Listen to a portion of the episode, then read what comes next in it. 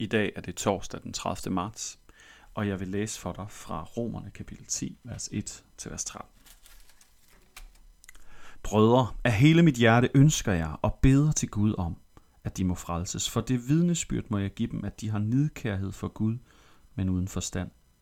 De kender jo ikke Guds retfærdighed, men søger at hæve deres egen, og derfor har de ikke underordnet sig under Guds retfærdighed. For Kristus er enden på loven til retfærdighed for enhver, der tror. Om den retfærdighed, som kommer af loven, skriver Moses, det menneske, der holder budene, skal leve ved dem. Men den retfærdighed, som kommer af tro, siger således, sig ikke i dit hjerte, hvem vil stige op til himlen, nemlig for at hente Kristus ned, eller hvem vil stige ned i afgrunden, nemlig for at hente Kristus op fra de døde. Nej, hvad siger den? Ordet er der nær i din mund og i dit hjerte, og det ord er troens ord, som vi prædiker. For hvis du med din mund bekender, at Jesus er Herre, og i dit hjerte tror, at Gud har oprejst ham fra de døde, skal du frelses.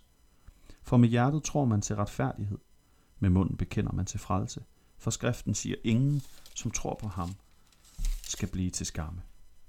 Der er ingen forskel på jøder og grækere. Alle har den samme herre. Rig nok for alle, som påkalder ham. For enhver, der påkalder Herrens navn, skal frelses.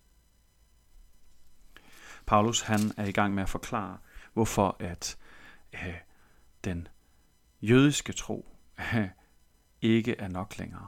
Hvorfor at Moses ikke er nok. Hvorfor at jøderne tager fejl. Og det kan virke så provokerende at høre, at der er nogen, der har taget fejl omkring, hvordan vi bliver befriet, frelst og får fællesskab med Gud. Men det er nu engang det, Paulus han udtrykker en tro på. Eksklusivt trosudtryk, kan man sige. Der er nogen, som tager fejl, og der er nogen, der har ret. Og han siger, det er vigtigt. Han siger, der er noget, som jøderne har taget fejl om. Hvad har de taget fejl om? De har taget fejl om, at det handler om etnisk og kulturelt tilhørsforhold.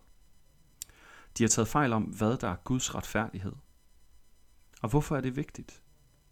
Jo, fordi den jødiske tro siger, at det er kun, som Paulus siger, det er kun den, der holder budene, der får liv ved dem. Det er sådan, Moses skriver, siger han. Og modsætningen til den tro, troen om, at retfærdighed, at du bliver retfærdig for Gud, at du kan være en del af at have fællesskab med ham, det kommer af, hvordan du lever, så siger han nej, det kommer af, hvad du tror på. Det er et voldsomt udsagn.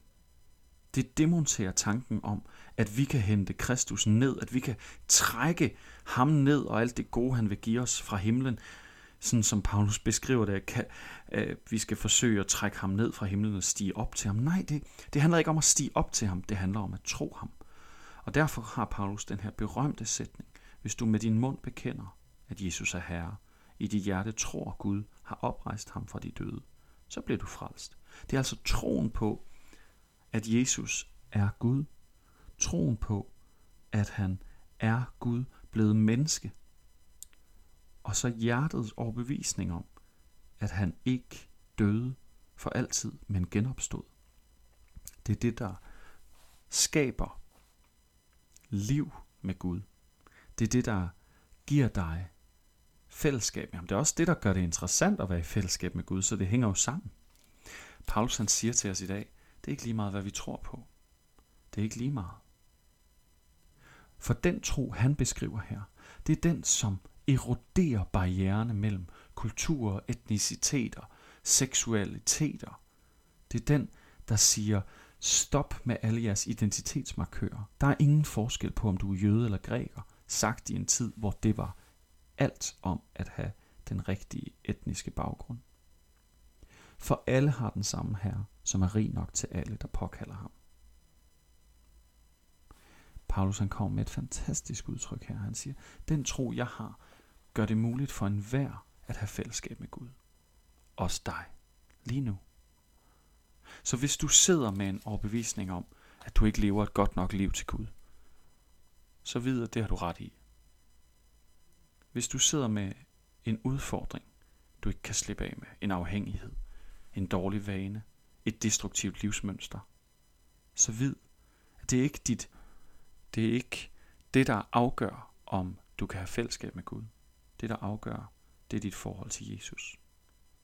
Lad os bede sammen. Kære Gud, tusind tak fordi, at det ikke handler om at blive retfærdig i egne eller andres øjne, at leve på en måde, så jeg har retfærdiggjort min eksistens.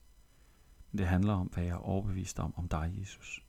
Vil du give os en erfaring af, hvem du er, så vi bliver så overbevist, at det vælger ud af vores mund, at vi tør sige, at vi tror på dig.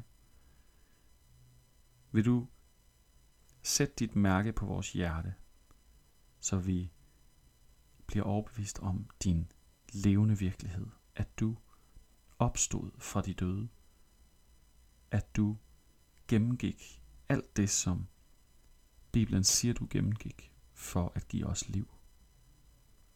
Vil du give os den tro, og den tro på, at du vil os. Amen. Kan I have en dejlig dag.